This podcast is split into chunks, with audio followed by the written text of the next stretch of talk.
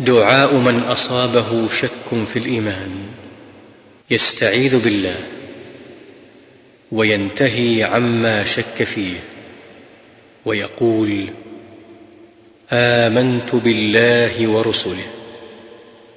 ويقرأ قوله تعالى هو الأول والآخر والظاهر والباطن وهو بكل شيء عليم.